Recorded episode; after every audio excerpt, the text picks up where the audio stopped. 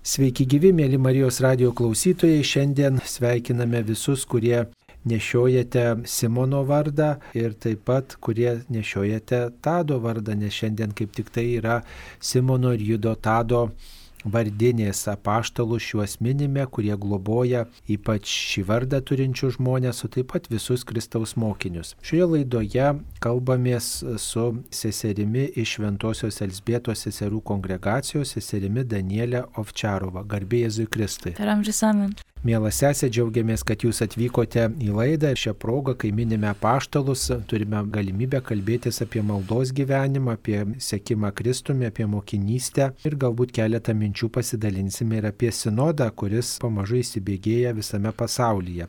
Taigi, mėla sesė, gal pradžioje, kaip ir Simonas ir Judas Tadas, galbūt jūs viešpats taip pat vardu pašaukė į vienuolyje, į, į Kristaus mokinystę, galbūt keletą minčių tarkite, kaip atradote krikščionišką tikėjimą ir kaip atradote Šventojios Elsbėtos seserų kongregaciją, kuri čia įsikūrusi Kaune. Tikėjimas iš šeimos, Mano šeima buvo tikinti, gal tėvai mažiau praktikuojantis, bet senelė man labai padėjo tikėjime, nes nuo mažens mane vedė į koplyčią, aš esu pati iš Vilniaus, tai mes su senelė visada meldėmės vakarais ir senelė, galima sakyti, įsėjo į mano širdį tą Dievo žodį ir tą tikėjimą. O kaip aš suradau Šventos Alžbėtos seseris, Vilniuje jų nėra aš jų nepažinojau, bet pažinojo mūsų Petro Povilo parapijos vikaras, kuningas Andžėjus Balinskis, labai gerai sesė Manuelė Šalitaus. Ir aš tada buvau tam keli, kad norėjau būti vienuolė, bet nežinojau į kokį vienuolyną, kas čia per charizmą, kaip čia viskas atrodo. Tai vad kuningas Andžėjus man tiesiog sakė, kad yra tokios seseris, ką jos veikia ir ką daro, kokia yra jų charizma. Ir mane tai labai sužavėjo ir tada aš pažinau seseris ir va taip yra, kad jau septynerius metus esu sesė Elžbietėtė.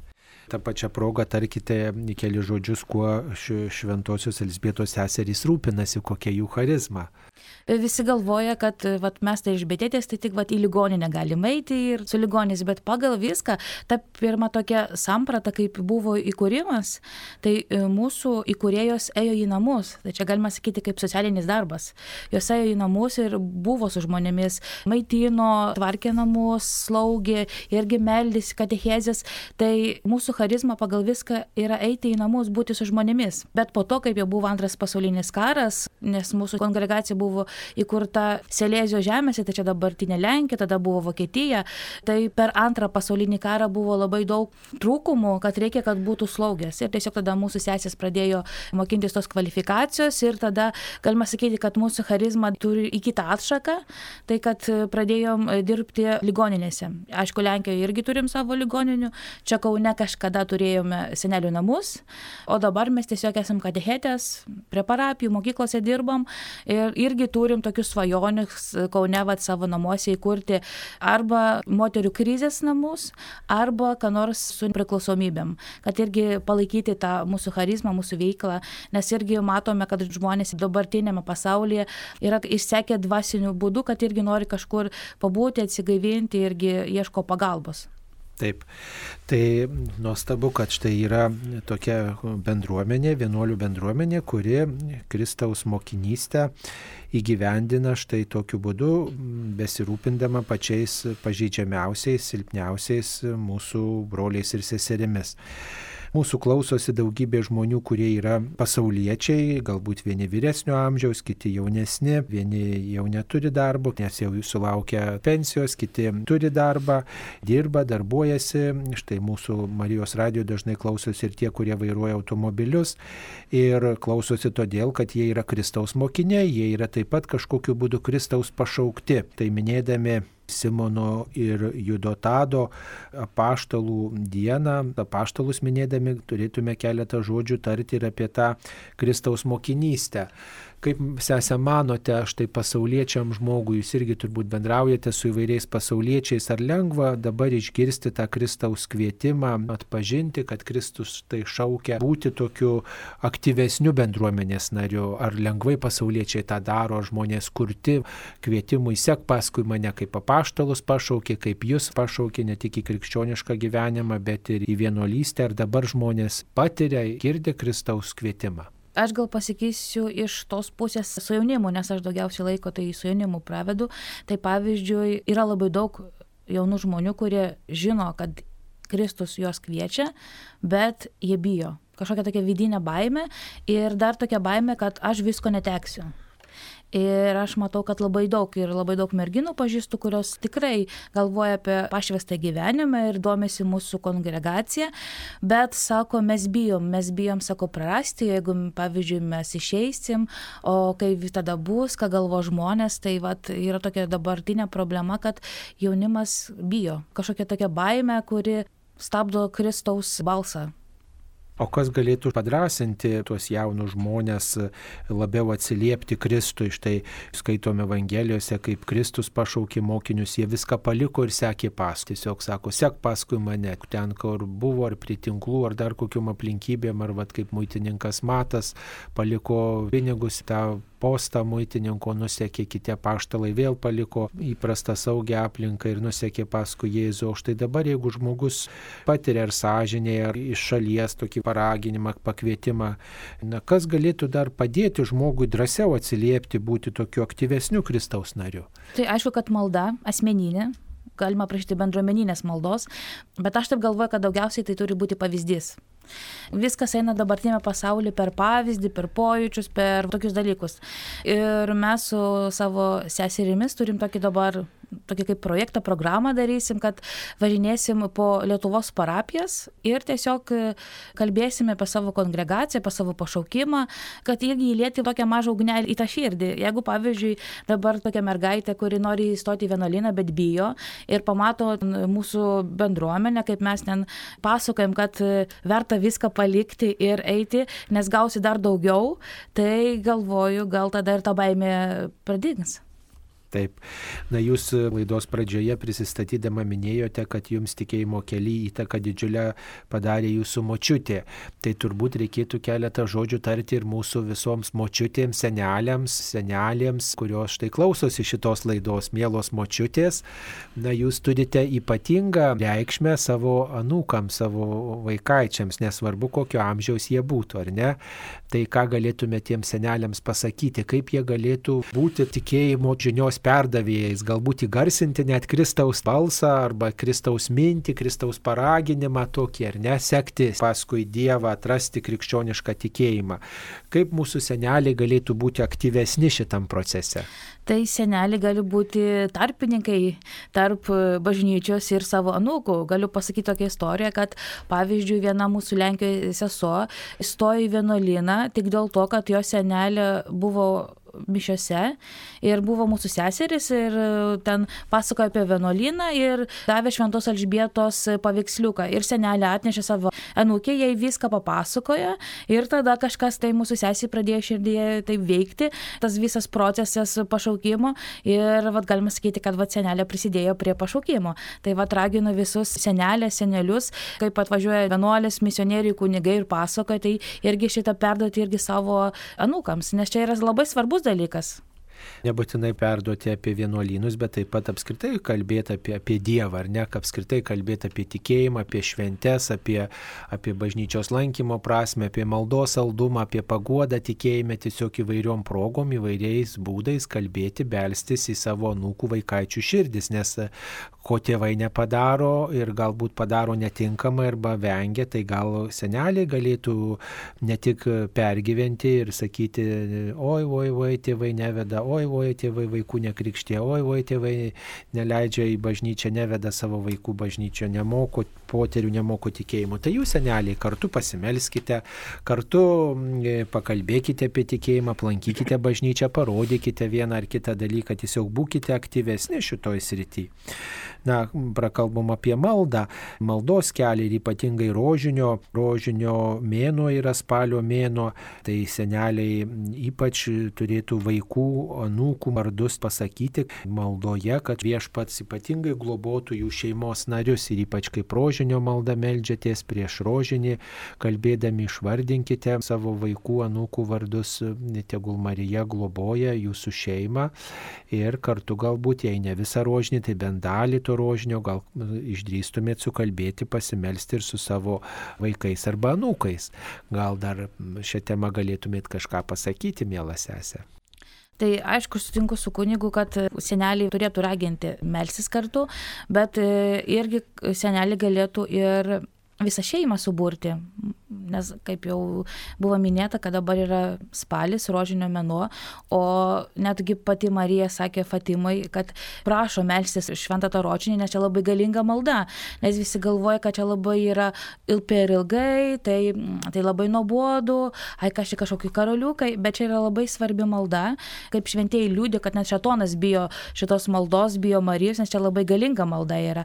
Tai va, raginu ne tik, kad seneliai tik melstusi, bet ir visi paimtų rožanį rožančių. Jeigu nemokat, tai galima internete surasti, e, galima parapijos kunigų paklausti, arba tiesiog galima tris kartus pasimelsti ten sveika Marija, bet vis tiek, kad kažkaip į tą gyvenimą, į savo rožančios maldą e, įtraukti, nes čia labai galinga malda ypatingai dabar artėja štai vėlinės, turbūt važiuos daug kas aplankyti savo artimųjų kapų ir vad mašinoje susėdę galim ne tik tai naujienomis dalintis ar, ar vienas kitą kalbinti įvairiais kitais klausimais, bet ir galim kartu pasimelsti. Ir sakoma, kad rožinis yra kelionės malda. Tai rožinį melstis galima ir mašinoje. Štai vienas kažkuris šeimos narys e, tai maldai vadovauja, o kiti šeimos nariai tiesiog atsiliepia ir paskui kitam galima perduoti perduoti tą maldą, e, tai maldai vadovauti, kaip tik tai tokia dvasinė bendrystė. Ar jūs, mielas sesė, keliaudama melžiatės rožinio maldą? Taip, visada melžiuosi, nes aš studijuoju Vilniui ir kai važiuoju visada traukiniu, tai visada melžiuosi rožančių, o melžiuosi už studentus savo kursinius, už dėstytojus, irgi už savo bendruomenę, savo šeimą, už visus žmonės, kuriuos pažįstu, kurie man yra brangus, gal irgi už tos žmonės, kuriems gal blogai ką padariau arba man blogą padarė.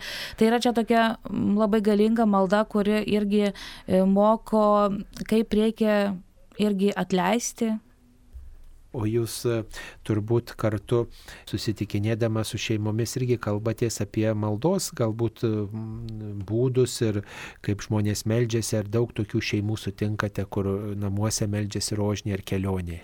Kaip dirbau Vilniui, gerą kontaktą turėjau su namų bažnyčia bendruomenė, nes dirbau Šventosios dvasios parapijoje Ir ten labai yra aktyvi ta bendruomenė.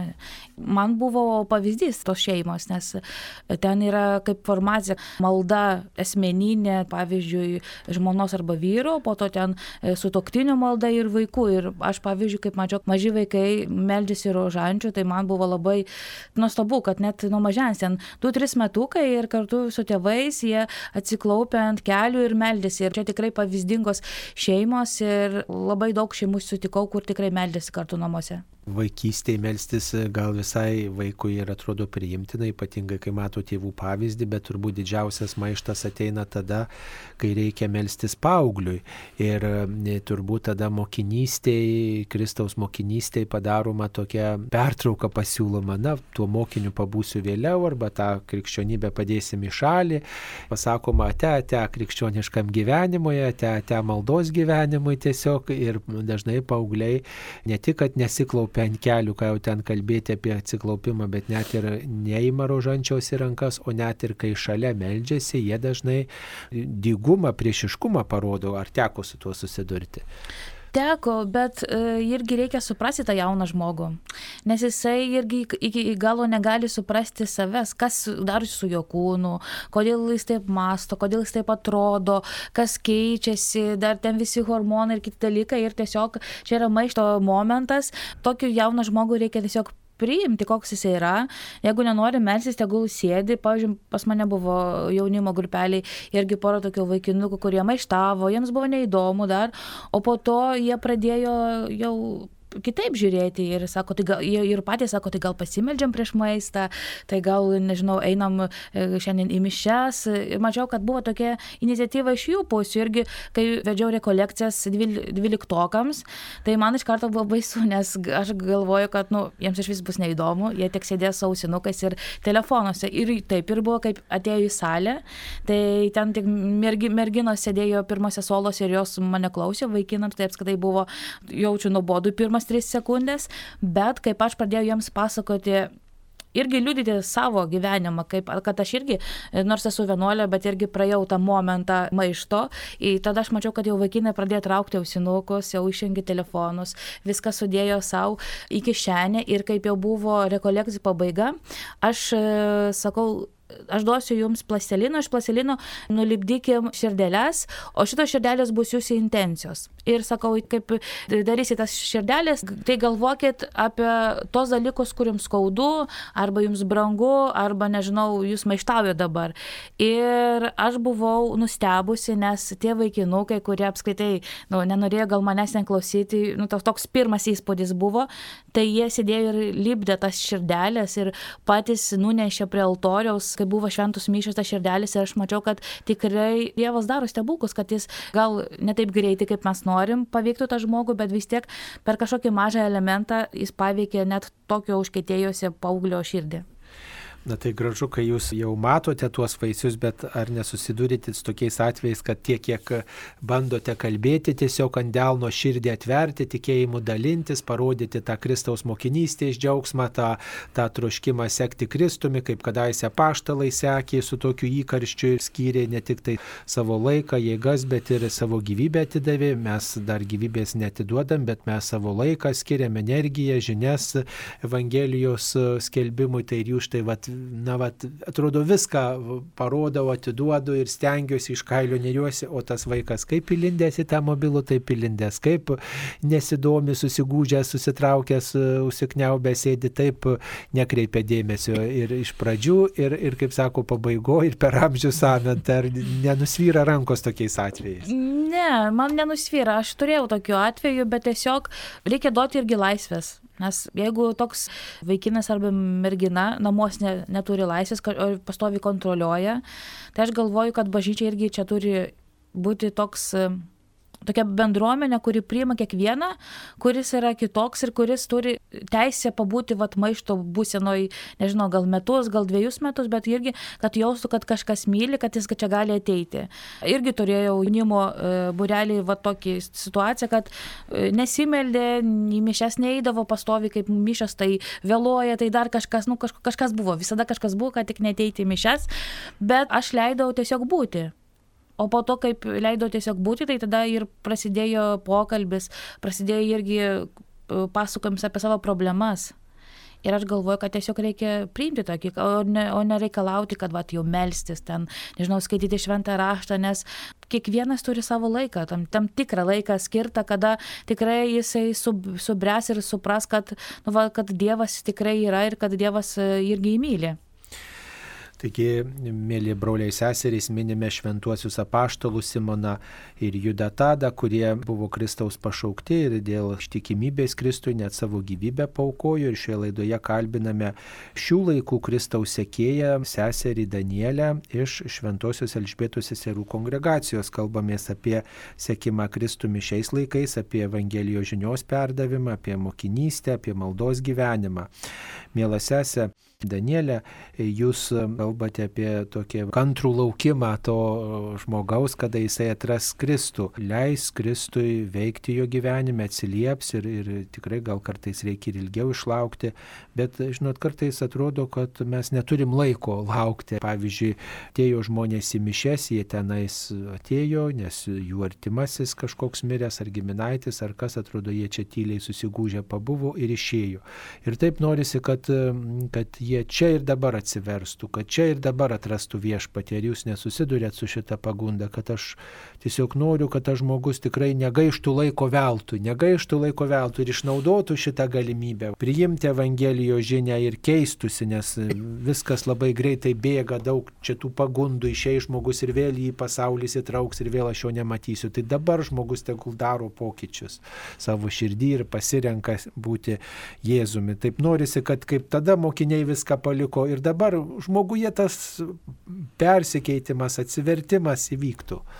Galima sakyti, kad pavyzdžiui, mokiniai irgi iš karto taip nelabai tikėjo į Kristų. Buvo tokių dalykų, pavyzdžiui, kaip nukryžiavimas, Jėzus mirė ant kryžiaus, tai jie visi pabėgo, liko tik Jonas. Jie irgi turėjo subręsti iki, iki to laiko, iki to kelio viso vedimo. Tai man kartais atrodo, kaip kartais sako, kad Evangelija, vad Biblija, tai čia jau senas dalykas ir mums neaktualu. Bet kaip aš skaitau ir darau mąstymą, tai čia tiesiog aktualu kiekvieną dieną. Ir visose tose žmonėse, kurie ateina į mišes, kurie, pavyzdžiui, ateina ir, ir pavyzdžiui, sako, kad mes atlaikėm mišes ir išeinam, tai matosi tikrai tuos izraelitus, kurie turėjo savo dievą ir negalėjo iki galo įsiklausyti Kristaus, nes turėjo savo 365 įstatymus.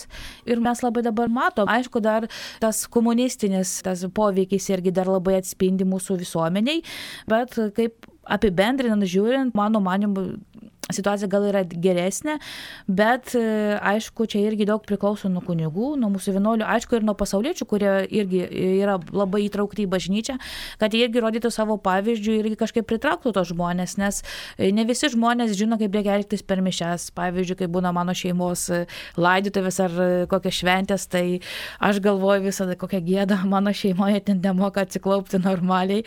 Tai aš tada galvoju, kad čia jau mano yra gal darbas, kad aš vat turiu pamokyti, pasakyti, pasikalbėti su jais, o ne galvoti, va, jie taip galėtų. Ne, tai čia mano darbas ir va, tai kiekvienas mūsų darbas, va, kaip ir jau prasideda sinodas, tai yra, kaip reiškia iš graikų kalbos, kad sin tai bendras, o odos tai yra kelias, tai čia bendras kelias, tai mes tikintis ir, ir praktikuojantis, tai turime tą bendrą kelią irgi traukti tuos, kurie nelabai ten žino, kaip elgtis ir kaip melstis ir ką daryti ir tada kartu spręsti, nes, nes popiežiaus pranciškaus mintis tai yra ne taip, kad kaip sinodas reiškia pagal viską, tai kad čia yra e, kaip valdžios susirinkimas, bet popiežius Pranciškus nori visus, visus įtraukti, ne tik ten viskupus, kunigus, vienuolės, bet ir, ir tą senelį, ir vaiką, visus, kad visi kartu keistume tą bažnyčią ir, ir irgi galėtume įsiklausyti, ką dabartinėme laikė mums sako šventoji dvasia turbūt visi esame Kristaus mokiniai, visi pakrikštyti,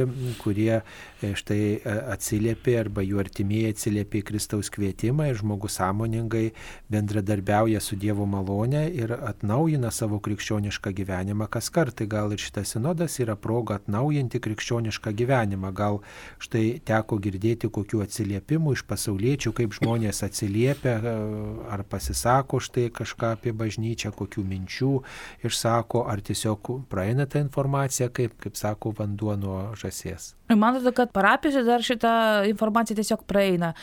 Aišku, girdėjau, kad ten kunigai vat, diskutuoja tarpusavį, irgi vienuolynas, irgi ten, na, aišku, vienuolynuose ten labai jau apie sinodą daug nepakalbėsi, nes vis tiek yra kok, taip kaip tokia uždaras dalykas, ten viskas tik keičiasi, jau kaip būna generalinis kapitulas, tada galima ten. Bet kaip bažnyčios narės kongregacijos, tai aišku, gali irgi, irgi daug dalykų ten pakeisti. Aš galvoju, kad tiesiog parapijose reikia daugiau apie šitą kalbėti ir visas bendruomenės įtraukti, nes dabar labai mažai girdėjau, kad kažkoks pasaulėtis, nežinau, arba senelė ar ten vaikas, nu, iš vis nežino, ką aiškiai sinodas, kas čia per žodis, kuris vyksta ir kur būna. Tai aš galvoju, nu, aišku, dabar tik savaitė, kaip viskas šitas dalykas čia plečiasi po Lietuvą, bet galvoju, kad reikia kažkaip daugiau apie šitą kalbėti, skleisti pagrindinė turbūt sinodo užduotis įtraukti kuo daugiau žmonių, kad pasisakytume, kaip mes matom bažnyčią, kokių lūkesčių turime, kokių vilčių ir svajonių. Taigi ir jums esė klausimas, kokia jūsų požiūriu galėtų būti jūsų svajonių bažnyčia, ne kokią bažnyčios viziją matote. Svajonių bažnyčia, tai čia labai įdomus klausimas. Aš kažkaip taip ne, neturiu savo svajonių bažnyčios, bet labai norėtųsi, kad irgi būtų kažkaip man tas labai klausimas rūpi kunigų silovada.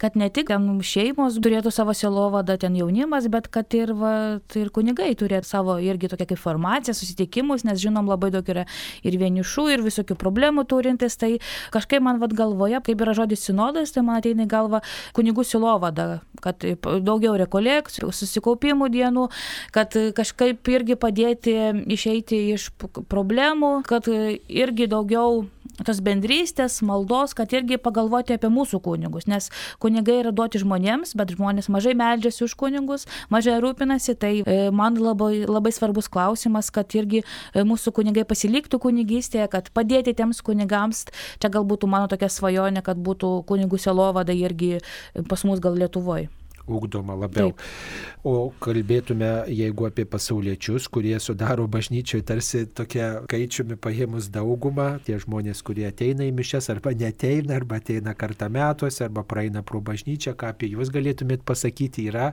jiems vietos jūsų svajonėse. Aišku, yra labai daug yra vietų, bet šiaip, kaip aš galvoju, yra labai daug irgi visokių veiklų pasauliečiams, labai daug. Yra labai daug namų bažnyčia, neokatechumenatas, tikėjimo irgi grupelės, ten ir rožinio. Labai daug yra visokių grupelių, kur tikrai labai daug vietos, daug vietos toms bendruomenės, kurios gal nori įkurti, kokio, nežinau, ten kitoj, kitoj atšakoje, nežinau, ten Dievo gailestingumo, pavyzdžiui, ten grupelės. Pasauliečiams yra daug vietos bažnyčioje ir labai gerai, nes reikia įtraukti pasauliečius, nes jų yra visuma, kaip jau ir sakėt. Bet irgi dar galvoju, kad Galima būtų su pasauliečiais dar daugiau visokių dalykų daryti, pavyzdžiui, didesnį šeimų judėjimą su jaunimu, ką nors tokio sugalvoti, kad tas jaunimas gal turėtų, nežinau, savo kavinę, bet tokią religinę, religinę katalikų, pavyzdžiui, kavinę, kad jaunimas galėtų ateiti ten, nežinau, paskaityti kokią nors religinę knygą, kad susidominti, kad ten išgerti kavos, pasikalbėti, kad irgi būtų tokia erdvė, nes jaunimas galvoja, kad vat, bažnyčia tai čia yra babučių, kad čia tik senelėms, o mums neįdomu, bet jeigu būtų vat, dar tokios atrakcijos, tai galvoju, kad būtų iš vis kitaip. Arba šeimos galėtų ateiti dalinti savo patirtimis, o ne tik, kad tos šeimos, kurios yra, pavyzdžiui, tik bendruomenėse, nes yra šeimų tikinčių, bet neturi savo bendruomenės, o to, tokios kavinės būtų labai gera erdvė, kur galima būtų tiesiog kalbėti apie Dievą. Nu, bet jeigu kavinėje nėra alkoholio, atsiprašau, tai tada ir lankytojų nėra, kas ten arbatos namie galima atsigerti ar ten e, pakalbėti. Bibliotekoje galima knygų gauti, o kavinėje tai jau gal eina žmonės alkoholio šiek tiek išgerti, pasilinksminti, nesutinkat. Gal ne iki galo žinokit, nes aš pažįstu daug šeimų ir apskritai žmonių, kuriems ne tik alkoholis yra svarbus kurie, nes dabar va pandemija padarė tokių dalykų, kad žmonės labai pasidarė tokie, kad, ai, va, geriau būti vienam, pabūsiu vienas, prislėgtas, depresijos prasidėjo ir aš galvoju, kad va, gerai, kad dabartiniu metu iškiltas sinodas ir kad galima būtų kalbėti, kad kažkaip kad tas būtų bendravimas. Ir tas bendravimas gali būti ne tik prie ten vyno, bet galime ir prie arbatos arba tiesiog su žmogumi, kuris tikrai tavęs išklauso. Na tai kas priklauso kokiai bendruomeniai, tai atrodo labai paprasta klausti, kas pas bendruomenės vadovą, vyresnį, ar kleboną, ar pasaulietį, jeigu ten, pavyzdžiui, žmogus priklauso kokiai bendruomeniai, kas čia tas sinodas, ką čia reiks daryti, kaip čia ką pasisakyti. Bet e, daugybė žmonių yra tokių, kurie retai bažnyčio ateina, arba kad ir ateina kas sekmadienį, bet nepriklauso jokiai bendruomeniai. Kaip jiems būtų galimybė tiesiog dalyvauti toj sinodo veikloje, ar, ar čia parašyti kokį laišką reikia reikėtų ar pasisakyti, ar, ar kaip kitaip, kaip jiems vat, tapti tokiais aktyvesniais. Aš tai galvoju, kad galima būtų va, tokiems žmonėms tiesiog padaryti susitikimus reguliariai. Pavyzdžiui, kiekvieną ten penktadienį vakarais. Ir kad ir buvo tokia diskusija padaryti, kad ten, nežinau, moderatorius galėtų būti aišku, kad klebonas, koks vikaras arba iš pasauliečių, kas yra labai aktyvus ir tiesiog įtraukti tos žmonės, kviesti, aišku, ten prie arbatos, sausainiuko, bet irgi, kad klausyti tos žmonės. Galima dar antrą, nežinau, anketą kokią nors padaryti parapijoje ir padėti kur nors ten, kad irgi žmonės galėtų, jeigu kas bijo arba ten negali visada būti bažnyčia, tai jie gali tą anketą išpildyti, o čia mano manimas toks. O jeigu kas nori aktyviau ir sakyti savo nuomonę, tai gerai būtų, kad parapijos irgi tokius žmonės kvieštų atskirai. Matot, mokinystės kelių yra turbūt daug ir įvairiausių, bet turbūt didžiausia problema tarp pasauliečių, mūsų pakrikštytų žmonių yra toks abejingumas, kad žmonėms visai vienodai šviečia, kokia ta bažnyčia, kaip jinai čia veikia, visai vienodai jiems jie nekreipia dėmesio galbūt arba pakritikuoja, bet viskas to ir, ir pasibaigia. Kaip manot, ar tikrai galima sakyti, kad abejingumas, toks paviršutiniškumas yra viena tokių didžiųjų krikščionybės problemų. Taip, aš sutinku. Ir galvojau savo, kodėl taip yra, bet e, kai prašiau vaikus pirmai komunijai, tai pamačiau, kad tie maži vaikai neturi pamato, o jų tėvai irgi neturi to pamato ir seneliai jau neturi to pamato. Kažkas atsitiko tarp tų visų šeimos proceso formavime, kad kažkokio vietoje tiesiog dingo Dievas į mišęs gal, reikia ateiti tik ten per Kalėdas ir per Velykas, o toliau jau ten nesvarbu, melstis apskritai jau niekas nemoka, Tai va, tai yra čia tokia problema, kad šeimose nėra to tikėjimo, nes man tai atrodo, kad čia tas tikėjimas jau dingo komunistiniais laikais, kad kažkas toks persilaužimas atsitiko, kad jau gal bijojo arba jau irgi buvo jau taip paveikti tą ideologiją, kad Dievo nėra, kad tiesiog kažkokiu momentu dingo tas perdavimas, kad va, tai yra ten Dievas, kad jis mūsų kūrė, visos tos maldos, kaip, seniai, kaip seniau tose tradicijose buvo, o dabar e, dingo, nes, nu, pavyzdžiui, dabar 40 mečiai, 30 mečiai, tai jau mažai kas tas vertybės tikėjimo perda savo vaikams. Ne tik tai turbūt e, posovietinėse šalyse, bet ir tose vadinamuose kapitalistinėse šalyse taip pat yra tas e, tikėjimo nusilpimas. Kaip Jūs manot, kas galėtų atgaivinti mūsų tėvynę Lietuvą, mūsų kraštą ir bendrai visą Europą ir visą pasaulį? Kas galėtų padėti žmonėms grįžti prie Dievo? Čia labai įdomus klausimas, kas galėtų padėti. Aš galvoju, gal šis sinodas mums padės sužinoti, nes mes nežinom, ko nori žmonės, ko jie norėtų. Jeigu jie sakytų, ko tikrai nori, tada gal viskupai ten ir parapijos klebonai galėtų kažkaip tai tada tos norus žmonių kažkaip išpildyti, o dabar mes nežinom, aišku, mes žinom, kad ten žmonės nori eiti bažnyčią, bet yra tų, kurie kaip pat ir nori. Tai aš galvoju, gal... Tai jeigu nori, tai gerai, bet tai yra daugybė, kurie nenori. Atsiprašau, nutraukiau, ką jūs galvojate. Tai yra tokių, kurie nenori, bet jie neturi to, to vertybių, todėl ir nenori. Nu, jie, jie nemato prasmės. Aš su tokiu vienu kalbėjau. Tai jisai sako, nu Dievo nėra, tai ko aš eisiu į tą bažnyčią. Tai neįkiši žmogui dabar nesakysi, kad Dievas yra. Tiesiog aš galvoju, kad kaip buvo Jėzus, ne visi įtikėjo, tai ir dabar yra ta, ta pati situacija. Mes vis, visų žmonių dabar negalim liepti visiems tikėti ir visiems eiti į bažnyčią, nes Dievas mūsų kūrė laisvus, davė laisvą valią, sąžinė ir kiekvienas žmogus pagal save sprendžia, ar jisai nori tikėti, ar nenori tikėti, bet irgi labai daug dalykų įtakoja irgi ir kunigų, vienuolių, apskritai bažnyčios poziciją. Aišku, ten visi tie skandalai ir kiti dalykai labai daug e, žmonių tiesiog sako, mes nenorim tokią bažnyčią eiti.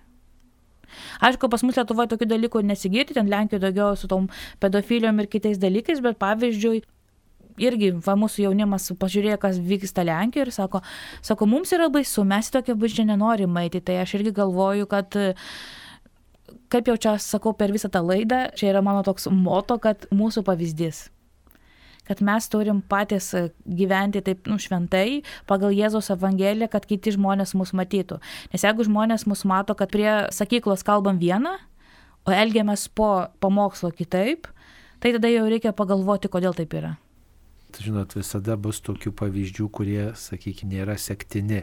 Ir kaip tada, kai visi kalba gražiai ir gyvena gražiai, tai tada gal lengva atsiversti, lengva sekti, lengva atrasti Dievą, bet pabandyk tu viešpatį atrasti ir būti šauniu žmogumi, kai aplinkui yra netinkami pavyzdžiai, čia yra turbūt didysis iššūkis. Na, tai tikrai džiugu, kad kviečiat visus duoti gerą pavyzdį ir tada laukti, bet žinom, kad ten net ir kur tie geri pavyzdžiai irgi nėra tų pulkų atsivertusių žmonių, nors aišku visada Dievo veikimo turbūt nepaprognozuosi ir Dievas yra paukštininkas, mėgsta įvairius, mėgsta tokius naujus dalykus, iššūkius.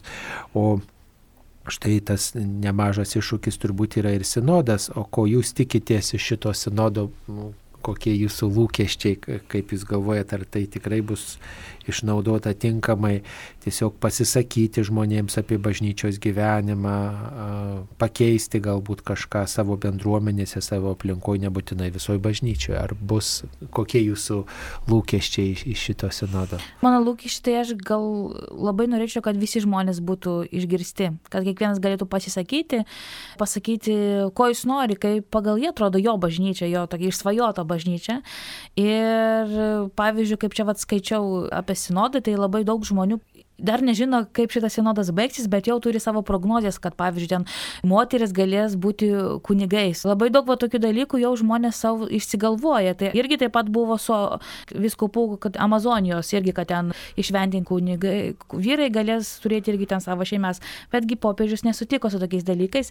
Ir aš galvoju, kad aišku, dabar bus irgi tokie polimai, kad ten apie tą sinodą, kad čia ir moteris galės būti kunigais ir kunigai galės tuoktis, bet mano manimu, kad tiesiog reikia tokias dalykus kažkaip nuo į šalį, bet daugiausiai klausyti, vad, ką sako šventoji dvasia ir ką sako mūsų bendruomenės, bendruomenės žmonės, ten nereikia klausyti, ką Romoje sako, bet vad, mūsų Kaune parapijoje, ką sako viena močiutė, kaip pagal ją reikėtų, pavyzdžiui, pakeisti, ką jinai galvoja, kokį svajonę nori, gal, nežinau, jinai norėtų, kad būtų gal penkios bendruomenės gyvai rožančios. Nu, žiūr, čia turi, turim žiūrėti, ką žmonės nori, nes čia viskas nuo žmonių, nuo mūsų visų priklauso bet žmonės gali norėti, žinot, kad būtų minulis nukeltas į žemę ar dar kažkas. Tai neįmanoma. Kad, kad Lietuvoje būtų visada vasara, nebūtų žiemos ar dar kažko.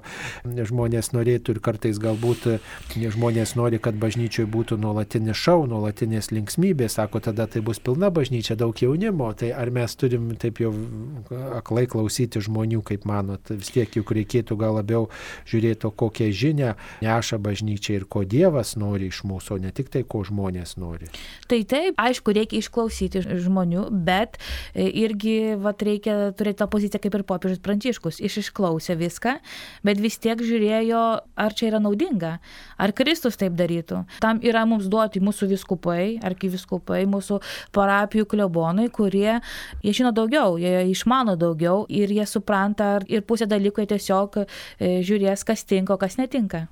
Taigi, mėly Marijos radio klausytojai, šioje laidoje apie mokinystę, apie sekimą Kristumi ir apie įvairius e, sekimo aspektus kalbėjome su seserimi Danielė Ovčarova iš Ventosios Elsbėtos seserų kongregacijos. Tegul viešpats padeda mums visiems atsiliepti į jo kvietimą būti aktyvesniais ir dalyvauti aktyviau bažnyčios gyvenime ir taip įkūnyti mūsų mokinystę, kad ji būtų matoma, regima ir duotų gražių vaisių. Sesė Denėlė kalbinau už kunigas Saulis Bužauskas. Visiems gražios Kristaus mokinystės. Ačiū sudė. Sudė.